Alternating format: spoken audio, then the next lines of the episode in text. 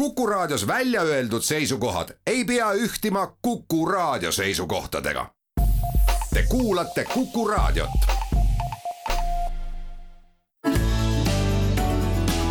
keskpäevatund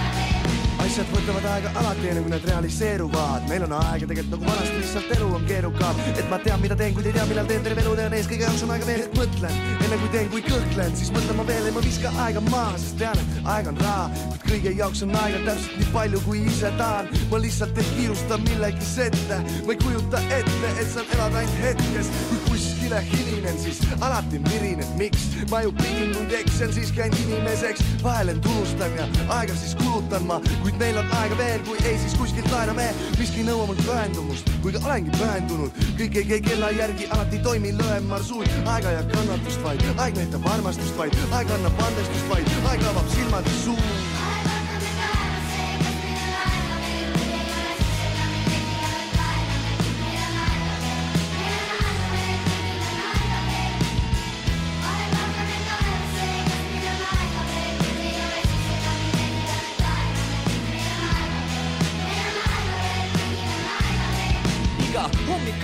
On neetud, äratab mobiilivärin. kas pea on pat ja kleepunud või kõuts varvast närib? kui on aega veel, teen asju aeglaselt, siis vähetähtsad asjad kõrvust mööda vahel lasen. aga kui ei tea nii välja, siis otsin otsemat teed, tean, see, mis mind ootab, ei jookse mul eest. nii sunnitakse tagant, tegelikult ise ka ei tea, kus õuad, siis ütlen, et pea lõuad, igale poole ei peagi jõudma, aga ma ei jõua, ma ei jõua, ma nõuan endalt, et jõuaks, kusisse magan, jõuan tööle alles poolest lõunast ja kui täna ei lähe, luban homme topelt teenin, mul on terve maailma aeg, mis mind motiveerib. ma ei pane tuima altini, kuni süda veel hüppab ja ei oota ka, et keegi kanni oda lükkaks. kuid kui midagi põhja kõrveb, siis siin ei aita ka mentos ja ma ei saa ka toppama jääda, kui elu on teinud mulle tempo.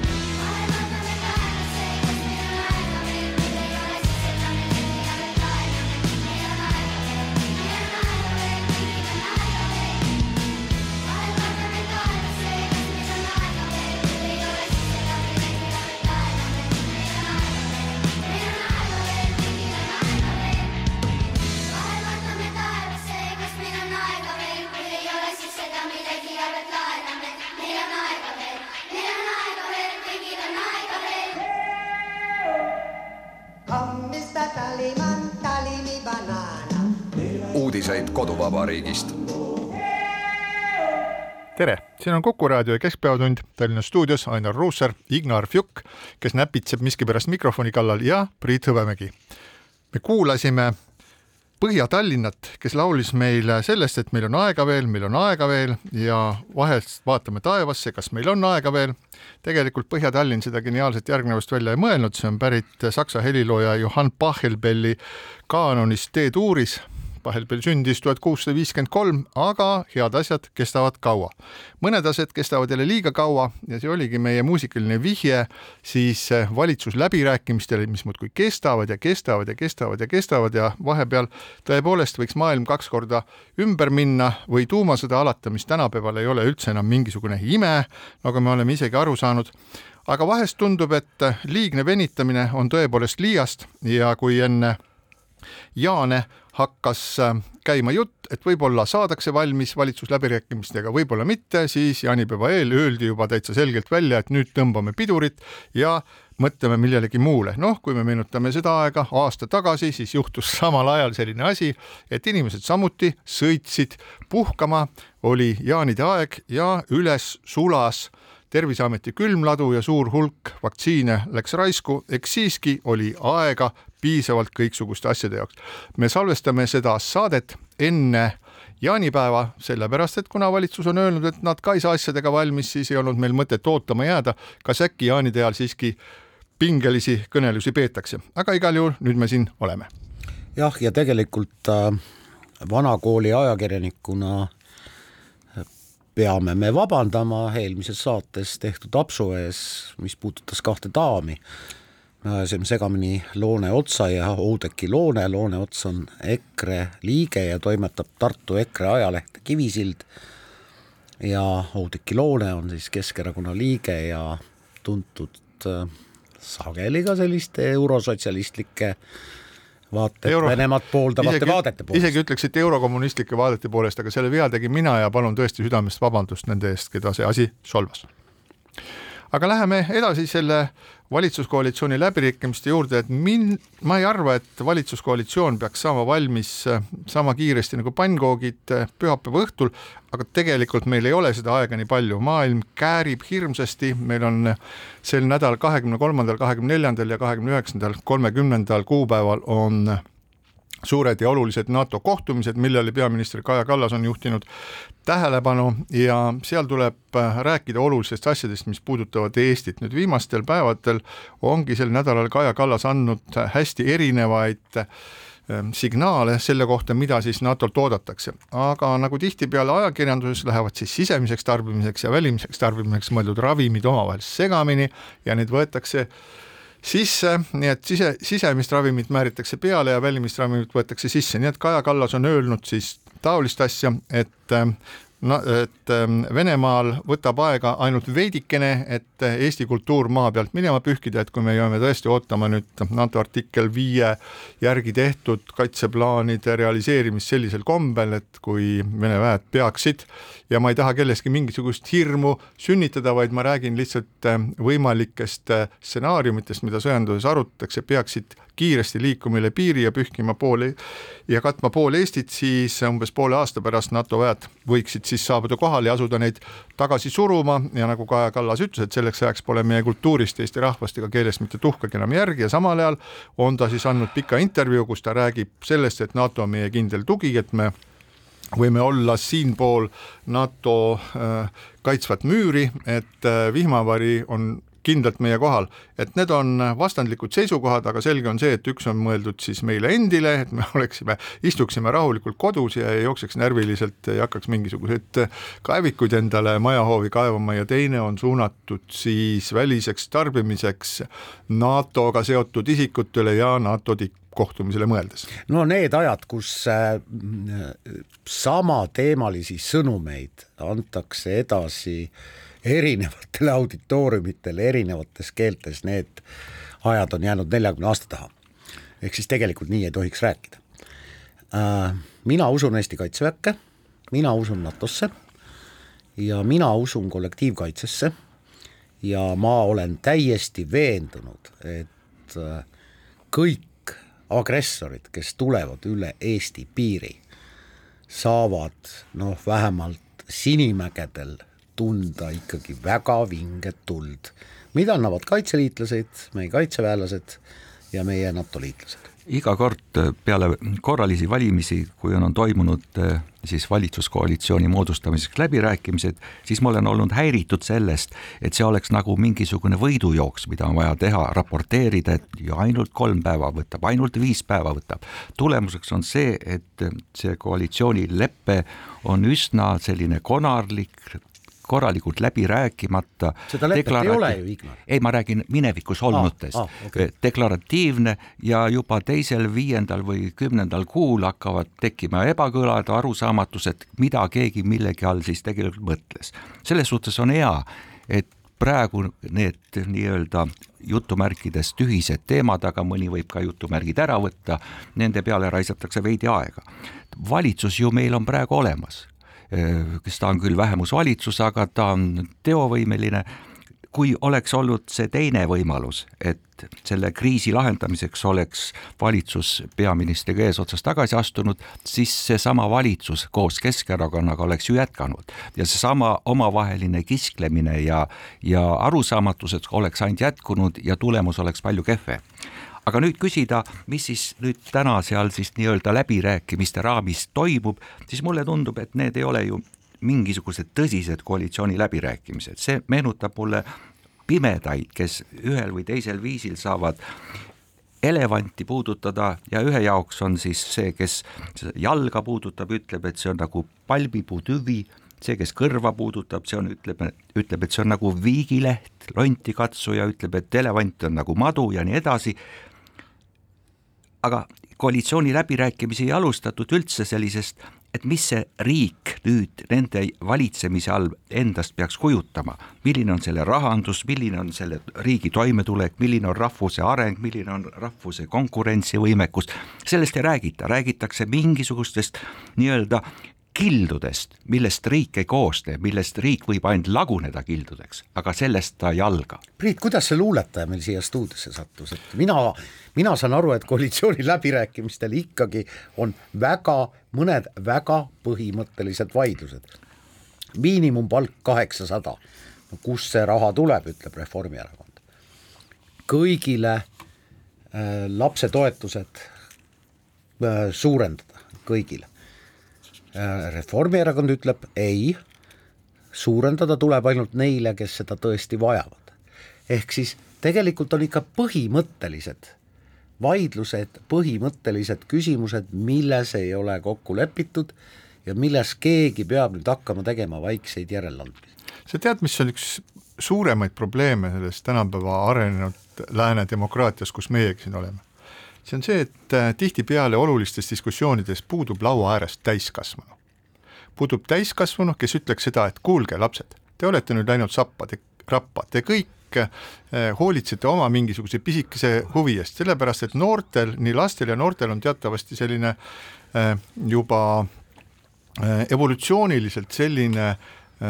siis selline eripära, et nad soovivad oma rahuldust või mingit naudingut või mõnu saada kohe kätte ja nad ei taha mõelda selle peale, et paneme nüüd need šokolaaditükid, paneme iga päev, me ei söö ära, aga sööme need näiteks laupäeval ära, teeme laupäeval šokolaadi või kommipäeva. sa ei taha ometigi väita, et valitsusliidu läbirääkijad on tiktokkerid? ma arvan, et nad, ei, nad, nad põhimõtteliselt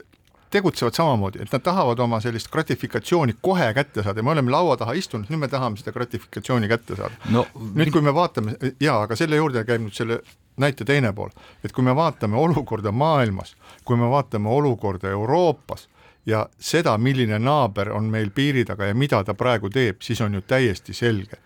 et meil on üks ja ainus eesmärk hoolitseda oma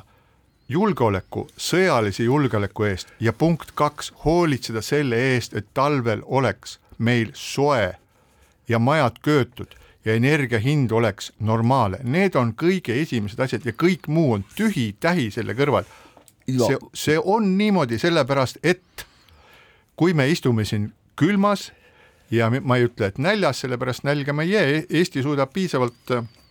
toiduaineid toota, et, äh, et ennast ise ära varustada suurema osa vajalike asjadega. et kui me ei pööra nendele olulistele asjadele tähelepanu ja jaurame selle üle, et kas seitsesada viiskümmend või kaheksasada, kas seda, teist, kolmandat või neljandat, siis me läheme vale teed, kõikide nende asjadega tuleb tegeleda, aga praegu on meil palju olulisemad kui on eksistentsiaalsed probleemid ukse ees, siis tuleb igasugune tühi-tähi ja kiunumine mingisuguse viiekümne euro pärast kõrvale jätta. absoluutselt tuleb Priiduga selles nõustuda, et on olemas prioriteedid ja teisejärgulised ja kolmandajärgulised asjad, aga samas Ainari poolt välja toodud see diskussiooni üks tuum et kas toetused on vajaduspõhised või nad on nii-öelda lennukil külvatatavad, külvatavad, et see on ju väga suur oluline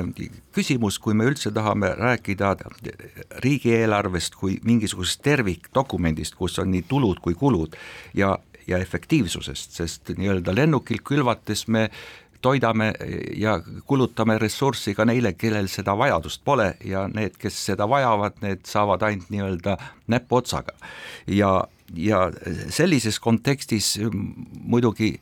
ainult rääkida äh, nii-öelda riigikaitsest,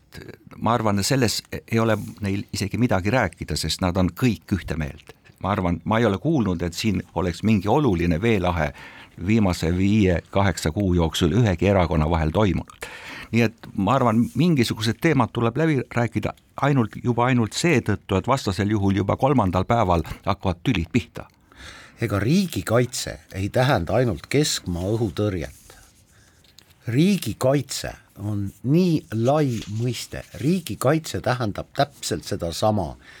et kui inimene ei suuda maksta elektriarvet,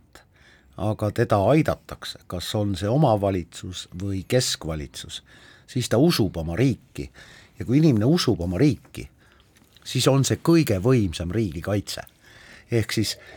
äh, kui me riigikaitsest räägime, siis ärme räägi ainult rakettidest ja suurtükkidest, me näeme seda, mis toimub Ukrainas.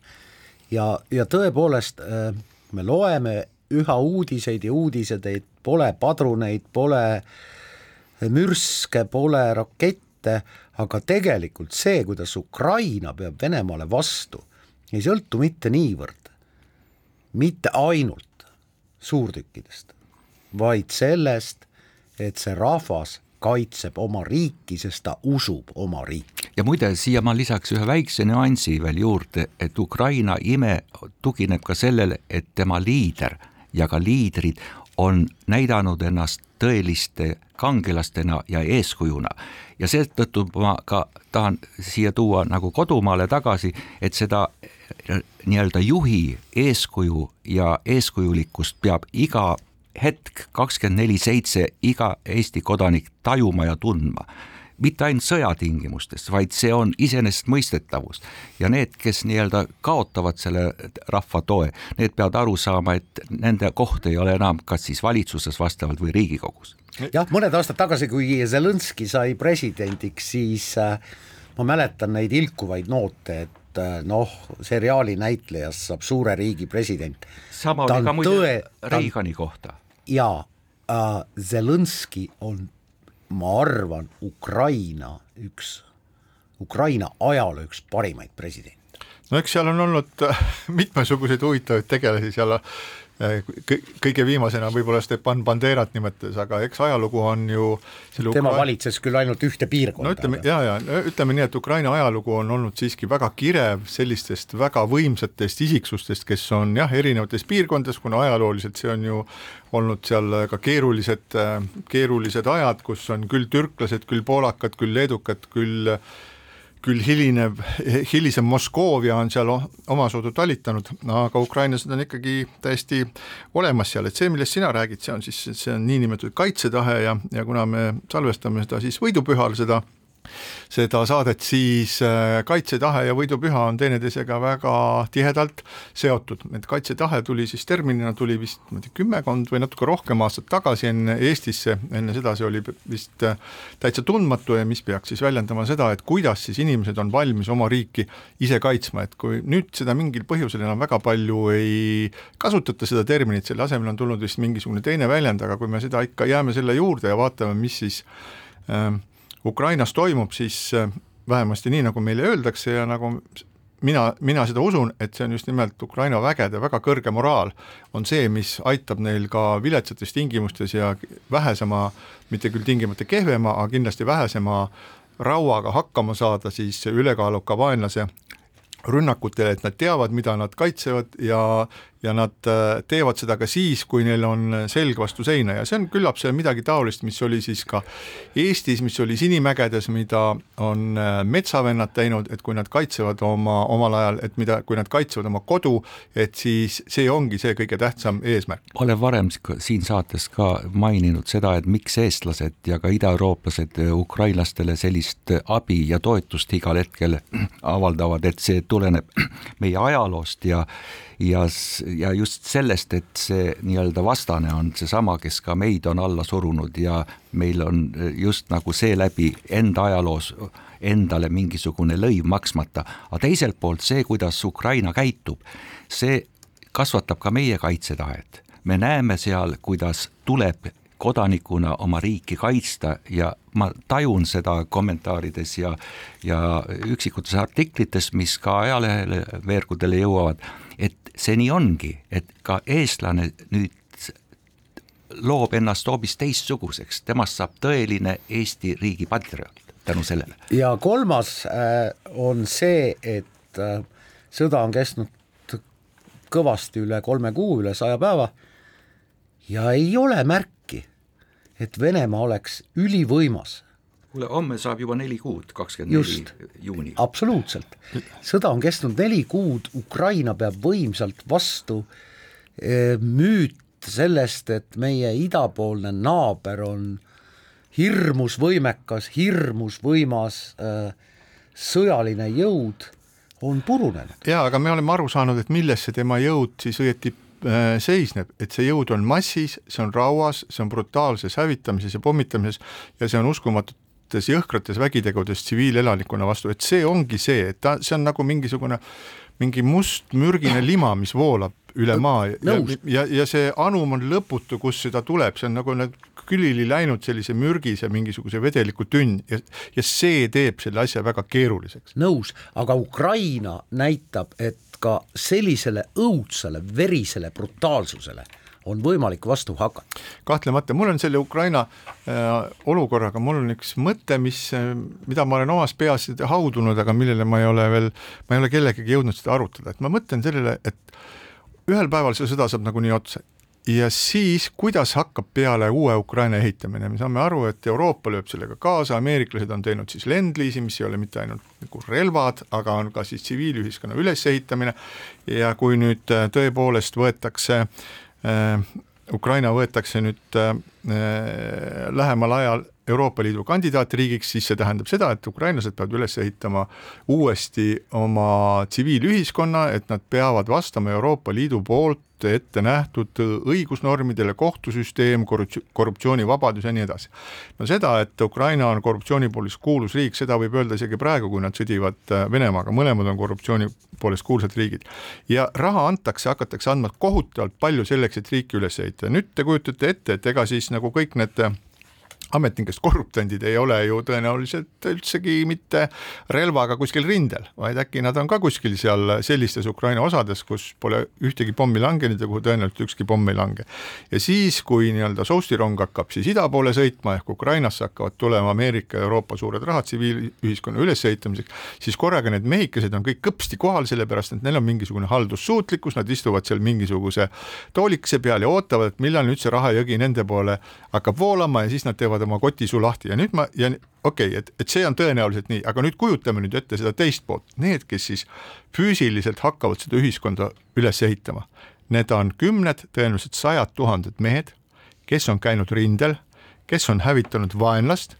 ja kes teavad, kuidas nii-öelda toore jõuga asju ajada ja sa kujuta nüüd endale ette ja, ja neid on tohutu hulk ja sa kujuta nüüd et, endale ette, et seal on mingisugune kohalik omavalitsus ja sinna on tulnud kuskilt sealt ma ei tea äh,, äh, Lääne-Ukrainast tulnud mingi tegelane, ütleb, et tore küll, et tahate siin mingisugust oma kioskit avada, aga vot mul on siin no niimoodi, et siin sahtel on mul lahti. Ja kujutad ette, seal on mees, kes on olnud kaks, oota, oota, mina räägin, kaks nädalat rindel on olnud ja ta nüüd näeb seda. Ja teda tabab vahkviha. ta mõtleb, et raisk, ma olen valanud verd Ukraina eest. Ja sina tuled minu käest küsima altkäemaksu ja siin on nagu mitu võimalust ja, ja ma ei oska öelda, et kuidas see olukord võiks lõppeda. kui, äh, kui sellised inimesed on kompromissitult puhtad ja jõulised, siis seda korruptsiooni suures osas tõenäoliselt ei sünni, sellepärast et sinna lüüakse kohe niisugune tala rataste vahele. ja ükski korruptant, roh-, kui tal on siis niisugune püssirohu suitsust kärsatanud rusikas nina alla pistetud ja öeldud, oota õhtuni, oota õhtuni. või juhtub midagi muud, aga see on väga-väga huvitav küsimus, kuidas selline äh, nii-öelda suur osa sellest rahvastikust ja need inimesed, kes ka kannatasid sõja ajal, ka tavalised tsiviilisikud, et kuidas nad nüüd seda uut Ukrainat hakkavad üles ehitama, kus korruptsioon täiesti kindlasti tahab oma pead tõsta. jah, see, mida sa, Priit, räägid, on täpselt sama, mida on rääkinud minu Ukraina tuttavad, kellega ma olen perioodiliselt äh, ühenduses ehk siis nende lootus ongi sellele, et rindelt tulnud vennad ütlevad sellele avatud sahtliga Mikolale, et pane nüüd sahtel kinni, sinna ei tule mitte midagi. just, ja loodame, et see kõik niimoodi on ja siinkohal väike paus. keskpäevatund.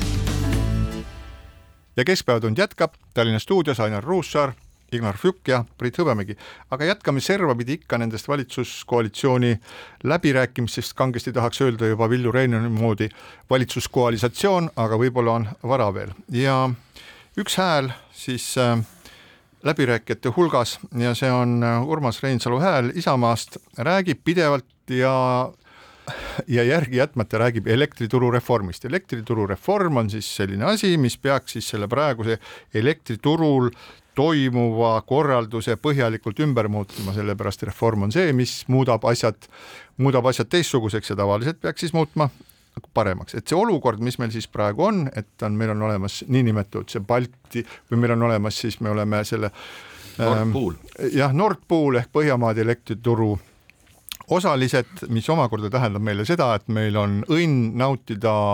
siis elektri elektrienergia hindu, mis ulatavad seal kolmesajast eurost kuni, kuni tuhande euroni ja mitte keegi ei saa aru, et mispärast need niimoodi on, et kui keski, kui tõepoolest kusagil äh, tipu ajal on natukene tootmist puudu ja, ja Põhja-Norras keegi paneb tööle oma väikse tasku elekt-, tasku elektrijaama, mis toodab energiat kuivatatud öökullidest, siis me maksame kinni kõik need kuivatatud öökullid ja see hind tõuseb kuskile seal tuhande euroni. Ja sellest on väga ammu räägitud, et see ei ole mingisugune börs, et see ei kujune nii-öelda börsi põhimõttel, seda, kes tahab sellest lugeda, võib lugeda kas Indrek Neivelti või Arvi Hamburgi, aga ärge lugege Taavi Veskimäge, sest tema hakkab teile rääkima sellest, et meil on äh, juhtmed ja torud kõik olemas ja kõik on väga hästi, tegelikult ei ole mitte midagi väga hästi, me näeme seda elektrienergia hinna pealt, eriti siis, kui me pidevalt maksame rohkem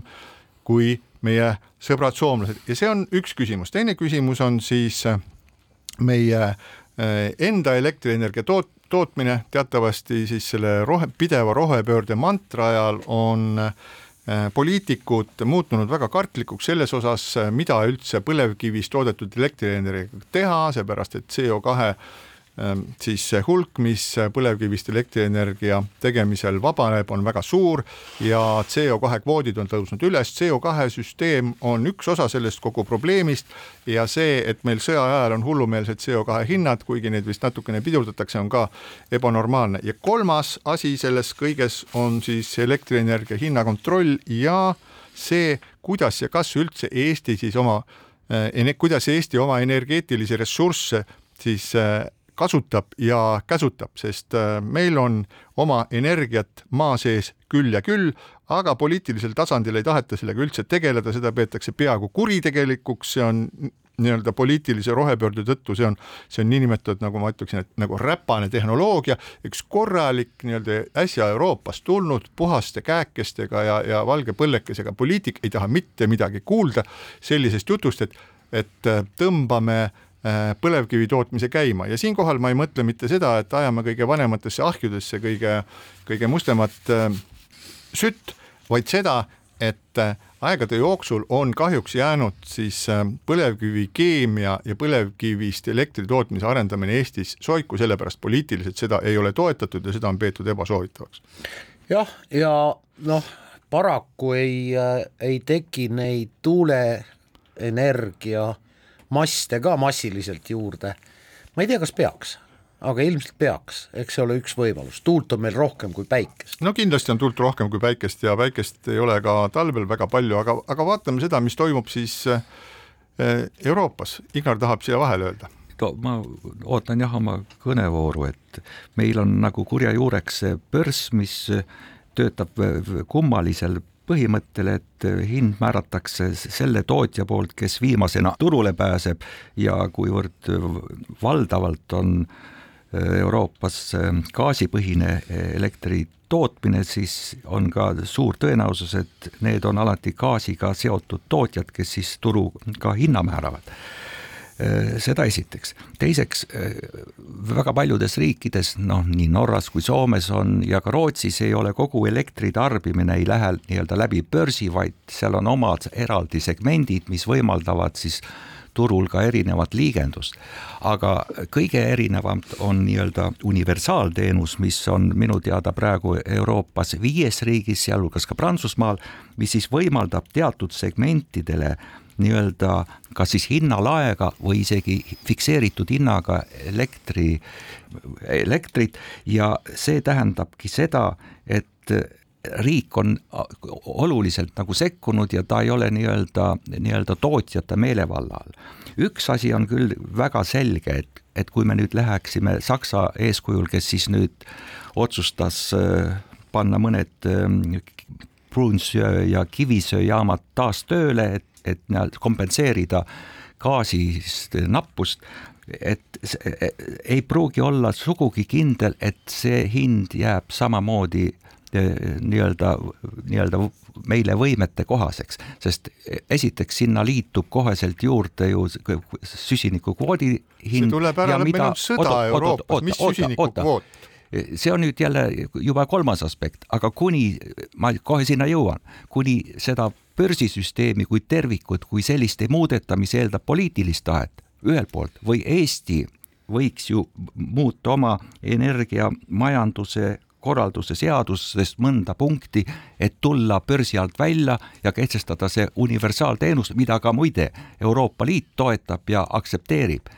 aga millegipärast seda ei tehta ja asi on väga lihtne. Eestis on nii regulaator see, kes nagu Konkurentsiameti nii-öelda kehandis näiteks Tallinna Vee ja üldse vee hinda reguleerib ja kasusaaja ehk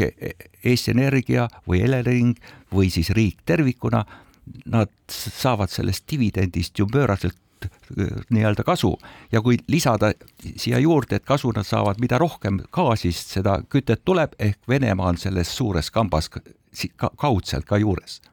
fakt on see, hea kuulaja, et sõnumid, mis meieni jõuavad, ei lähe nagu positiivsemaks ega paremaks. tänane Postimees praegu avauudis, Saksamaa majandusminister Robert Habeck teatas, et gaas on nüüd Saksamaal haruldane tarbekaup.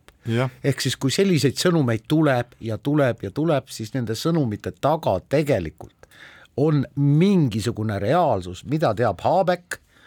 mida võib-olla teab Kaja Kallas, aga no. mida ilmselt ei tea Fjuk, Hõbemägi ja Ruus. no jaa, aga eks see ei see meid ei takista siis nii-öelda kvalifitseeritult ja argumenteeritult arutamast ja, selle asja üle. Ma, ja arveid maksmast. just nimelt. Ja siis, mis olukord meil siis on, et meil on kallid börsihinnad ja mittetöötav elektriturg ja meil on olemas siis äh, strateegiline energiaressurss. Ja see on põlevkivi. E, põlevkivi siis Eestis on iseenesest kahte sorti, üks neist nagu on paremini põletatav ja teine ei ole. E, varusid, põlevkivivarusid hinnatakse umbes kahekümne viieks, kolmekümneks aastaks, mis meil on. Ja neid on umbes viis miljardit tonni ja sellest mingi ligi seitsesada miljonit, see on kättesaadav Eesti, Eesti põlevkivi või siis kukersiit, kergemini, kergemini põletatavat põlevkivi, see on siis umbes üks koma üks protsenti maailma põlevkivivarudest, nii et me võime öelda, et kuna valitsus on teatanud, et okei okay,, et nüüd äh, gaasi aasta lõpus, tõenäoliselt Vene gaasi me üldse enam ei kasuta, et meil on vaja ka mitmesuguseid muid variante ja kogu see energiabörsi süsteem tapab meid lihtsalt hindadega, siis äh, mis olukorras me oleme. nüüd äh, korraks visates üks väike pilk siis sinna Saksamaa poole, kus sa, Ignar, ütlesid, et seal siis äh, on hakatud natukene rohkem siis kivisütte põletama, siis tegelikult on asi hoopis teistsugune. Aastal kaks tuhat kakskümmend, Ignar aastal kaks tuhat kakskümmend toodeti kakskümmend neli protsenti Saksamaa elektrienergiast sööst, aga kahe tuhande kolmeteistkümnendal aastal süsi moodustas nelikümmend viis protsenti kogu Saksamaa tootmisest. Saksamaal on sütt nii, et tapab. Neil on söejaamad, söejaamad on suletud peamiselt roheliste vastuseisu tõttu ja siis samal põhjusel ka siis nende väga toredad tuumajaamad läksid nii-öelda sel põhjusel lukku, nüüd sa ütlesid, et Euroopa valdavalt kasutab gaasi, kasutab gaasi tööstuses, aga kui nad äh, kütavad, siis näiteks Prantsusmaal on, elektrit tehakse Prantsusmaal peamiselt siis nagu tuumajaamades, Saksamaal siis on väga suur osa on äh, veerand saadakse söest, Soomes on, Soomes on tuumaenergia pluss hüdroenergia pluss päikese, tuuleenergia, Norras jälle vesi, päike, gaas, ühesõnaga, nii et tegelikult see gaas on nii-öelda kütte kõrval on väga oluline mitmesuguse keemiatööstuse ja vesiniku tootmise alusaine. Et ta on nagu majandusele on selle gaasi tähtsus palju suurem, see, et teda, temaga lihtsalt maju kütta, et see on nagu üks aspekt. Ja nüüd, kui me vaatame siis seda, seda, mida Eesti võiks teha ja mida minu meelest siis poliitikud ei ole mingil põhjusel tahtnud teha, et arendada põlevkivienergiat, et kogu meil avalikkuses sellest puudub diskussioon, kui Arvi Hamburg äh, kirjutab sel teemal mõne artikli, siis kostab mingist põlastavat hüüatuse, ah jälle tahate hakata seal hakata äh, põlevkivi ahju ajama, ma kujutan ette, et kui Marek Strandberg meid praegu kuulab, siis ta kiri, kiristab hambaid ja hakkab kohe äh, kommentaare kirjutama. tegelikkuses on pidevalt äh,, arendatakse siis kivisöetehnoloogiat edasi, kiv-, mitte kivisöö äh,, põlevkivitehnoloogiaid edasi, maailmas on tehn-, seda te-, seda ainet väga palju, Ameerika Ühendriikides väga suured varud, Jordaanias, Hiinas on tohutud varud, Eestis on ka protsent maailma varudest. kogu aeg vaadatakse, kuidas sellest oleks võimalik, võimalikult puhtalt saada siis energiat kätte, uuemad sellised meetodid on sellised, kus seda kivisöö või kivisööst, põlevkivist, vabandust, kiirustades räägin, põlevkivist võetakse siis äh, gaasid ja õli välja juba maa sees, luuakse sellised, ma ei tea, kuidas see eesti keeles on, sellised retordid maa sees, kus põlevkivi süüdatakse, sinna siis pumbatakse juurde kas mingisugust auru või, või mingisugust kuumust sinna lisatakse ja sealt siis tuleb välja nii-öelda põlevkivigaas ja sealt tuleb välja siis ka põlevkiviõli ja CO2 seotakse juba selle protsessi käigus, et ma vaatasin saadet huviga, ma lugesin erinevaid äh, põlevkivikeemia uurimusi ja uuringuid ja et mitte ka mainida seda, et mu ema oli, oli äh, põlevkivikeemik, nii et võib-olla mul on selline väike geneetiline huvi. sa oleks võinud sellest alustada. jah, väike geneetiline huvi selle asja vastu, aga tegelikult maailmas on väga huvitavad ja mitmekesiseid uuringuid selle kohta, kuidas põlevkivi kasutada, nii et noh, äh, selliseid suuri tööstuslikke äh, võimalusi veel ei ole, ka see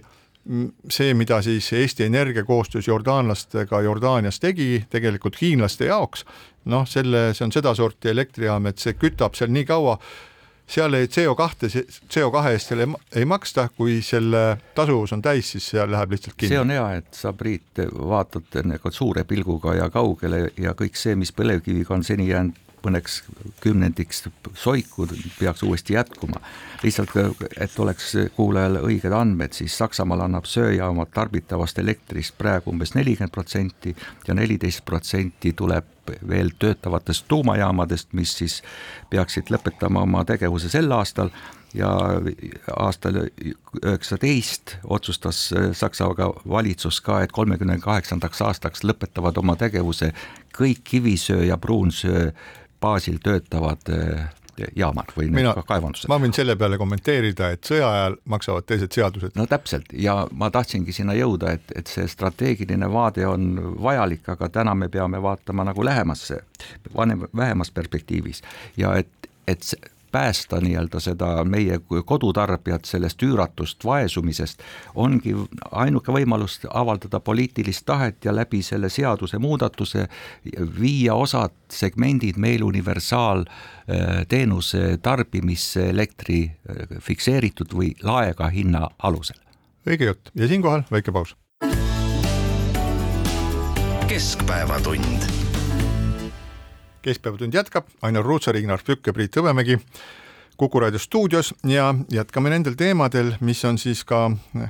valitsuskoalitsiooni läbirääkimistel laua peal ja püüame neile sisse minna sügavamalt ja teiste nurkade all, kui igapäevaselt tehakse. ja kolmas oluline grupp siis neid eh, teemasid, millega tegeletakse, puudutab siis Eesti kultuuri, rahvastiku ja kultuuri säilimist, muuhulgas siis ka nii lastetoetusi, vanematele mõeldud toetusi, keeleküsimusi koolides, alushariduses ja ka kõrghariduse rahastamist. kõrghariduse rahastamine on jah, selline nukker teema, et äh, rääkisin paari äh, avalik-õigusliku ülikooli rektoriga lõppeval nädalal ja nad ütlesid, et mõlemad muide, sõltumata üksteisest, tõid ühe ja sama näite, et kui inimene, kes niidab muru saab nelikümmend eurot tunnis. Ja inimene, kes õpetab kõrgkoolis, saab seitseteist eurot tunnis, ma ei tea, kust need arvud pärit on, kui tõele nad vastavad ja nii edasi, nii edasi, aga noh, näide oli see, et kui sa niidad muru, siis sa saad rohkem palka kui kõrghariduse, kõrgkoolis äh, ainet andev õppejõud. ma ei tea, aga noh, kindlasti on kõrghariduse äh, rahastamine üks probleeme ja kindlasti peaks õppejõu palk olema kõrgem, kui ta praegu on aga samas ma kuulen teistsuguseid argumente. oi noh, käid siin Tehnikaülikooli linnakus Tallinnas või Tartu Ülikooli linnakus Tartus, kõik kinnisvara lokkab, eks ole, tohutult palju. vot mina ei tea, kus see kesktee on, ega siis õpikeskkond peab ka olema kaasaegne, moodne, hea ja mugav. aga noh, see, et äh, ülikoolides ei jätku õppejõude, kes põhikohaga töötaksid ülikoolis, see on muidugi probleem ja see on probleem meie julgeolekule, meie rahvusele ja ka meie keelele, sellepärast et kui inglisekeelse õppe pealt saab küsida raha, siis seaduste alusel eestikeelne kõrgharidus on tasuta. Ma mäletan, et äh, kahe tuhande üheteistkümnendal aastal peale valimisi Reformierakond ja IRL koalitsioonilepingus siis sätestasid kavatsuse minna üle tasuta kõrgharidusele ja haridusministriks saanud Jaak Aaviksoo siis väljendas kindlust, et et see kõik annab hea tulemuse Eestile, sest me eeldame ja meie ka seda teeme, et iga aasta hakkab kõrghariduse rahastamine suurenema proportsionaalselt. Ignar, meil on tasuta kõrgharidus eesti keeles. see oli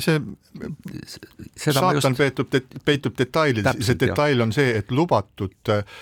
siis kõrghariduse rahastuse tõusu sammu ei jälgitud, vastu see pidama ja hakkas hoopis vist isegi vähenema. ja öeldi ka näiteks seda jälle toonase haridusministri poolt, et vähemalt viie aasta pärast on õppejõudude suhteline palk tõusnud kolmandiku võrra, et, et see kõik annab sellise nii-öelda olukorra kõrgkoolidesse, et motiveeritud on teadlased ja haritlased sinna minema õppejõududeks ja kui on hea õppejõud ja hea haridus, siis ka üliõpilased tungivad neisse koolidesse ja loodavad saada head haridust. juba aastal kaks tuhat kaheksateist, see on viis-kuus aastat peale seda, ülikoolide rektorid tunnistasid, et tasuta kõrgharidus on oma elu ära elanud, kuid seda ja seda peab millegi kaasendama Mart Kalm näiteks, rektor, ütles, et selle sisseseadmine ehk tasuta kõrghariduse sisseseadmine on olnud algusest peale lühinägelik ja toonane Maaülikooli rektor Mait Klaassen ütles, et tasuta kõrgharidus on tudengid laisaks teinud ja nii edasi ja nii edasi, see oli juba aastal kaheksateist. täna ei arutata seda, et kõrgharidusele raha juurde anda ja ei arutata ka seda, et mismoodi siis seda muuta, et ta oleks nende rahadega või mingisuguste täiendavate rahade sissetoomisega jätkusuutlik ja motiveeriks paremaid õppejõude ja paremaid õpitulemusi. Aga samal ajal toimub ikka selline roomav äh, muutumine, näiteks väga paljudes kõrgkoolides on senine päevane õpe muudetakse sessioonõppeks, mis tähendab seda, et nominaalõpe, mis peaks olema eestikeelse hariduse puhul tasuta, kui teda viiakse sessioonõppeks, ehk kolmeaastaseks, siis see võimaldab raha võtta. nii et ühelt poolt me räägime täna tasuta õppest, aga teiselt poolt me roomame nii-öelda tasulisele õppele ja kõige halvem on, kui eestikeelsed õppekavad asendatakse ingliskeelsetega, kus saab raha võtta. nii et me oleme sünnitanud ühe koletise, mis ei söö lapsi, aga ta hävitab või sööb Eesti hariduse vundamenti. ja noh, probleem on ka selles, et vaata, kõrgkooli ei saa juhtida nagu äh, äh, nagu eraettevõtet. et äh, noh, kui raha on vähe, siis paneme mõned teenused, mis nagu ei too eriti midagi kinni. näiteks et, nagu Tallinna para... Ülikool paneb praegu väga palju õppekavad kinni. aga, aga noh, me ei saa kõrgkooli puhul suhtuda niimoodi, et jätame ainult, eks ole, arstiteaduskonna, kuhu on, ma ei tea, kaheksateist inimest kohale jätame siis matemaatika, füüsika, need peavad olema, no võib-olla ajalugu ka, eks, aga paneme filoloogia või noh, vähemalt äh, rahvaluule osakonna kinni, sest seda ei ole vaja. et või see on, see on natuke liiga kallis, et sealt saab nagu kokku hoida, et vot niimoodi ei saa tegelikult äh, kõrgkooli juhtimisse suhtuda. Aga mis on minu meelest probleem, mida ma olen öelnud ja millele ei ole ma saanud ka konkreetset vastust, on see, et väga paljudes Eesti avalik-õiguslikes ülikoolides õpetatakse paralleelselt samal ajal samu erialasid. kui ma vaatan, ma, ma ei tea, mida see tähendab, mis eriala on avalik haldus, ma tõesti ei tea, mida seal mi-, mida oskab avaliku halduse no riigiametnik õpetatakse välja seal, noh, riigi ja oma, kohalike omavalitsuste jaa, aga seda õpetatakse kahes Eesti avalik- oh,, õiguslikus ülikoolis. tõenäoliselt rohkemates ülikoolides veel, aga lubage palun üks, lubage palun üks nagu ülikooli õppejõud ka saab sel teemal siis nagu vahele rääkida siin, et jah, et ajakirjanduse õppejõuna Tallinna Ülikoolis siis äh, ma kõigepealt ütleks, et nüüd seal Tallinna Ülikoolis nüüd väga palju neid õppekavasid ka kinni ei panda, et kindlasti igal aastal vaadatakse üle, et mida siis nagu peaks kinni panema või, või ei peaks kinni panema. seal aga... pannakse kinni infoteaduse ja rekreatsioonikorralduse, koreograafia ja keskkonnakorralduse õppekavad. ja, ja aga see, kui sa vaatad seda infoteadust, et sa, siis sa näed nagu sõna, aga sa tegelikult ei tea, mis selle sõna taga on, et selle taga võiks öelda, et seal on nii-öelda raamatukogundus sisuliselt on selle taga, mis põhimõtteliselt peaks uuenema väga oluliselt ja võib-olla, võib-olla see polegi väga paha mõte, et selle, et sellisel kujul seda mitte jätkata. nüüd Äh, kui sa ütlesid, et ingliskeelset õpet jääb järjest vähemaks, siis ma just äh, sellel nädalal lugesin ühe kõrgkooli juhi, ülikooli juhi kurtmist. asemel pannakse ingliskeelseid õppekavasid. just sel, sel nädalal üks Eesti ülikooli juht kurtis, et näed, et ingliskeelseid kavasid pannakse, pannakse järjest kinni, et need jääb üha vähemaks, aga ma ei mäleta, kes seda, ma mäletan, et see, see oli selline, aga ma tahtsin nüüd öelda, et milles meil on siin nagu see suur probleem. väga õigesti ütlesid, et see kõik algas siis sellest ähm, nii-öelda tasulisele, tasu tasuta õppele ülemineku programmist ja kurja juur oli see, et järgnevad valitsused väga kahjuks ei seda kokkulepitud äh, siis rahastamise sammu ei järginud, öeldes, et oh, et äh, võib-olla meil on raha millekski muuks vaja, aga, aga kui me nüüd vaatame veel ühe sammu tagasi, siis vaatame selle aasta algusse,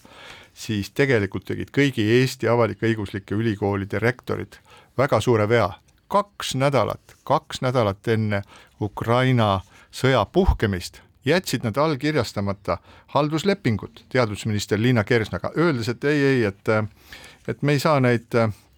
halduslepinguid sõlmida, sest nad ei saa lepingute järgseid kohustusi täita. no ütle, eks ole, mõnikord oleks ju kangesti vaja, et inimestel oleks mingisugune ettenägemise võime, et kui sa enne sõja puhkemist jätad riigiga olulised lepingud sõlmimata, siis on selge see, et pärast seda, kui sõda on Euroopas keenud juba kolm kuud, sa oled absoluutselt teises olukorras ja kui sa seal lähed nõudma mingit viiteist protsenti juurde, siis öeldakse, vabandage, vaadake, meil on siin ka, me just tegime kaheksasaja miljonilise lisaeelarve selleks, et me ei saaks kõik pommiga pihta, meil on vaja varjendeid kaevata, meil on vaja mingi mingisugust sellist nagu, selliseid suurtükke, selliseid rakette ja mida, mida iganes veel, et äkki te siiski nagu peate natukene pausi, ootate, suruge jalad risti, e, pidage vastu, küll te jõuate kempsu joosta siis, kui sõda on möödas. Ja siinkohal me täname teid kõiki kuulamast, loodame, et e, jõudsite jaanidelt tagasi, ilma et oleks oma jalgu, nina ja tagumikku ära kõrvetanud ja kohtume taas nädala pärast. keskpäevatund